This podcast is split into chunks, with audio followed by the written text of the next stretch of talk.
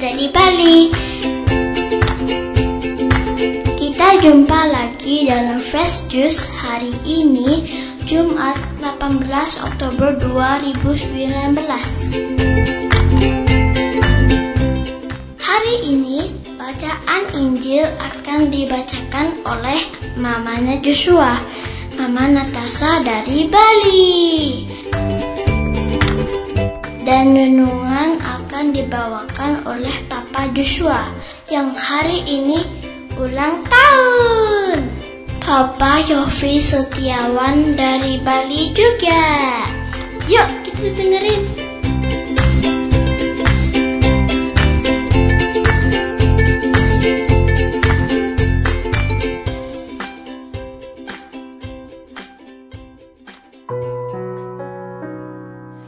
Kita siapkan hati untuk mendengarkan Injil hari ini menurut Lukas bab 10 ayat 1 sampai 9. Kemudian daripada itu, Tuhan menunjuk 70 murid yang lain, lalu mengutus mereka berdua-dua mendahuluinya ke setiap kota dan tempat yang hendak dikunjunginya. Katanya kepada mereka, Tuayan memang banyak, tetapi pekerja sedikit. Karena itu, mintalah kepada Tuhan yang empunya tuayan, supaya ia mengirimkan pekerja-pekerja untuk tuayan itu. Pergilah, sesungguhnya aku mengutus kamu seperti anak domba ke tengah-tengah serigala. Janganlah membawa pundi-pundi atau bekal atau kasut. Dan janganlah memberi salam kepada siapa pun selama dalam perjalanan. Kalau kamu memasuki suatu rumah, katakanlah lebih dahulu, "Damai sejahtera bagi rumah ini." Dan jikalau di situ ada orang yang layak menerima damai sejahtera, maka salammu itu akan tinggal atasnya. Tetapi jika tidak, salammu itu kembali kepadamu. Tinggallah dalam rumah itu, makan dan minumlah apa yang diberikan orang kepadamu, sebab seorang pekerja patut mendapat upahnya. Janganlah berpindah-pindah rumah. Dan jikalau kamu masuk ke dalam sebuah kota dan kamu diterima di situ, makanlah apa yang dihidangkan kepadamu, dan sembuhkanlah orang-orang sakit yang ada di situ, dan katakanlah kepada mereka, "Kerajaan Allah sudah dekat padamu." Demikianlah Injil Tuhan. Terpujilah Kristus. Sahabat Fresh Juice yang terkasih, pertama saya ucapkan syukur kepada Tuhan untuk penyertaannya di hari ulang tahun saya hari ini. Bagi sahabat Fresh Juice yang minta traktiran, rasanya lebih bijak kalau saya mentraktir para sahabat semuanya dalam bentuk makanan rohani seperti Fresh Juice hari ini. Karena apa? Karena manusia hidup bukan hanya dari roti saja, tetapi dari setiap firman yang keluar dari mulut Allah. Makanan jasmani hanya bertahan sementara, tapi makanan rohani akan kekal selamanya. Sahabat Fresh Juice, mendengarkan bacaan Injil hari ini tentunya membuat kita sedikit heran dengan apa yang Yesus perintahkan kepada 70 murid yang diutus berdua-dua untuk mewartakan kabar gembira. Bagaimana tidak? Yesus menyuruh untuk tidak boleh membawa pundi-pundi, bekal atau kasut. Kemudian sebelum mereka berangkat, sudah diberitahu bahwa para murid seperti anak domba yang masuk ke tengah serigala. Saya jadi ingat ketika bulan lalu anak pertama kami berangkat kuliah ke luar negeri. Dia berangkat sendirian. Seumur-umur baru pertama naik pesawat sendirian tanpa kami temani dan pergi jauh lagi. kalau papanya memastikan rute perjalanannya, kuota internet di HP-nya cukup. Beda lagi dengan mamanya. Mamanya memastikan bekal yang dibawanya cukup. Bukan saja bekal pakaian, uang yang cukup, tapi juga bumbu-bumbu makanan instan, saudara-saudari. Nah, ini tentu berbeda sekali dengan bacaan Injil yang kita dengarkan hari ini.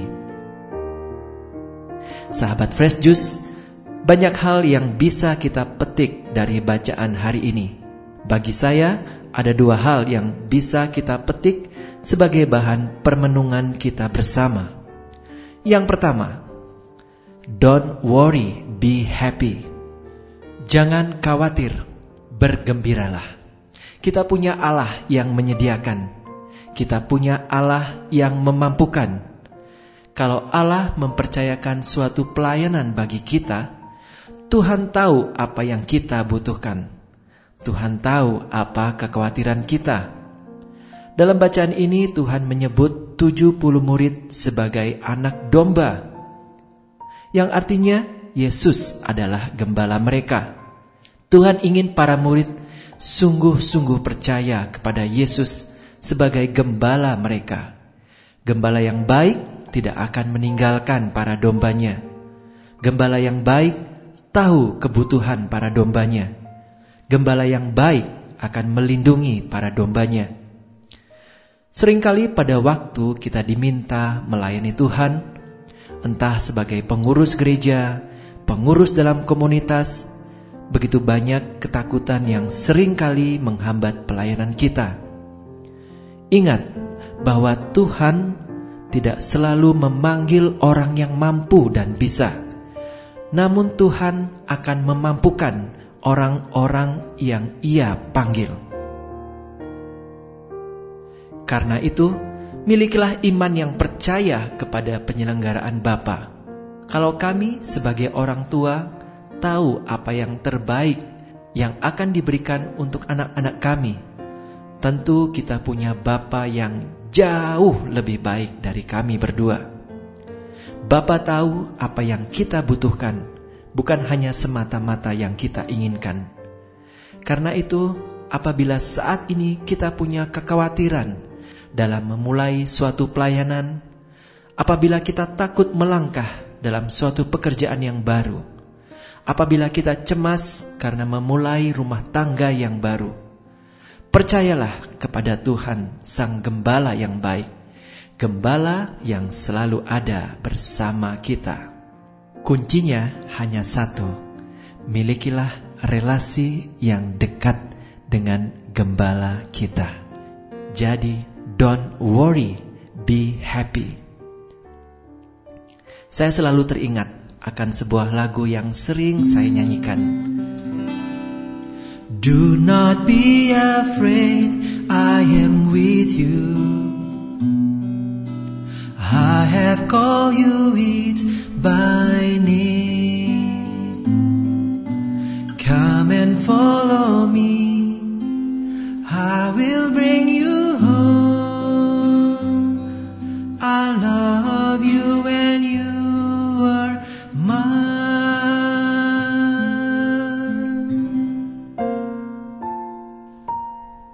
Yang kedua yang bisa saya petik dalam bacaan hari ini yaitu perihal berjalan bersama.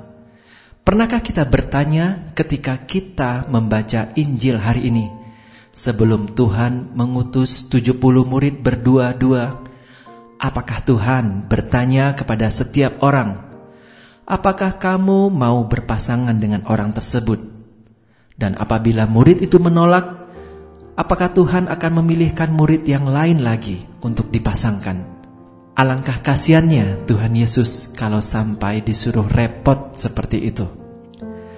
Sahabat Fresh Juice yang terkasih, hukum yang terutama adalah mengasihi Tuhan dan mengasihi sesama. Ketika kita melayani Tuhan, sering kali kita tidak bisa memilih siapa yang Tuhan tempatkan dalam pelayanan kita atau dalam komunitas kita. Bisa jadi orang yang tidak cocok dengan karakter kita. Tuhan taruh dalam komunitas kita. atau bisa jadi orang yang selalu menguji kesabaran kita yang Tuhan tempatkan dalam komunitas. Namun justru di situlah inti sebenarnya sebuah pelayanan, yaitu ketika kita bisa mengasihi orang lain seperti Bapa yang telah lebih dulu mengasihi mereka. Pun juga sama ketika kita tidak bisa meminta siapa yang akan menjadi saudara kita dalam keluarga kecil kita. Ketika kita lahir, kita juga tidak bisa meminta kepada Tuhan siapa yang akan menjadi orang tua kita. Di sinilah kita belajar untuk mengasihi mereka dengan segala kelebihan dan kekurangan mereka. Berjalan dan bertumbuh bersama tidak selalu kita lewati di jalan yang mulus. Seringkali jalan berkerikil, curam, dan terjal kita akan lewati bersama. Namun itulah gunanya saudara-saudari yang Tuhan sediakan dalam komunitas kita untuk bisa kita saling bergandengan tangan, saling menolong, saling bahu-membahu untuk melewati setiap ujian dalam perjalanan hidup kita. Saya bersyukur bahwa Fresh Juice hari ini begitu banyak pendengar dan pewarta yang bersama-sama melayani Tuhan di dalam setiap talenta mereka. Ada yang menjadi pewarta, ada juga yang menjadi admin untuk para orang tua, dan ada juga admin untuk orang muda Katolik untuk memberi semangat kepada orang muda lainnya, baik dalam grup WhatsApp atau medsos dengan menyebarkan fresh juice ini. Sahabat fresh juice yang terkasih, bulan depan tepatnya 14 November 2019 Fresh Juice akan berulang tahun yang ketujuh. Seperti yang sudah kami umumkan bahwa perayaan ultah yang besar akan dirayakan saat Fresh Juice berulang tahun yang ke-10 di tahun 2022.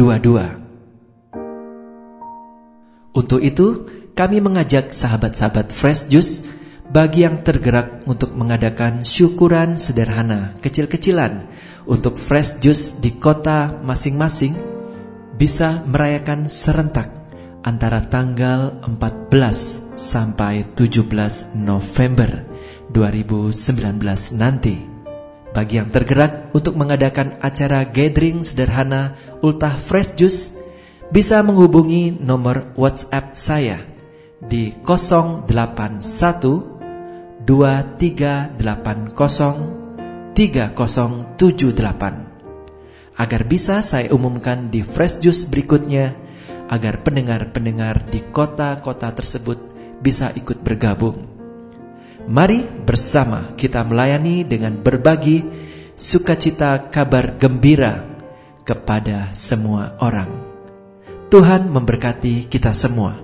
Salam Fresh Juice. tante dan kakak-kakak semuanya, kita baru aja dengerin Flash Juice Jumat 18 Oktober 2019. Makasih ya buat semuanya yang udah dengerin Fresh Juice hari ini. Sampai jumpa lagi Fresh Juice besok ya. Dadah-dadah semuanya. Salam Fresh.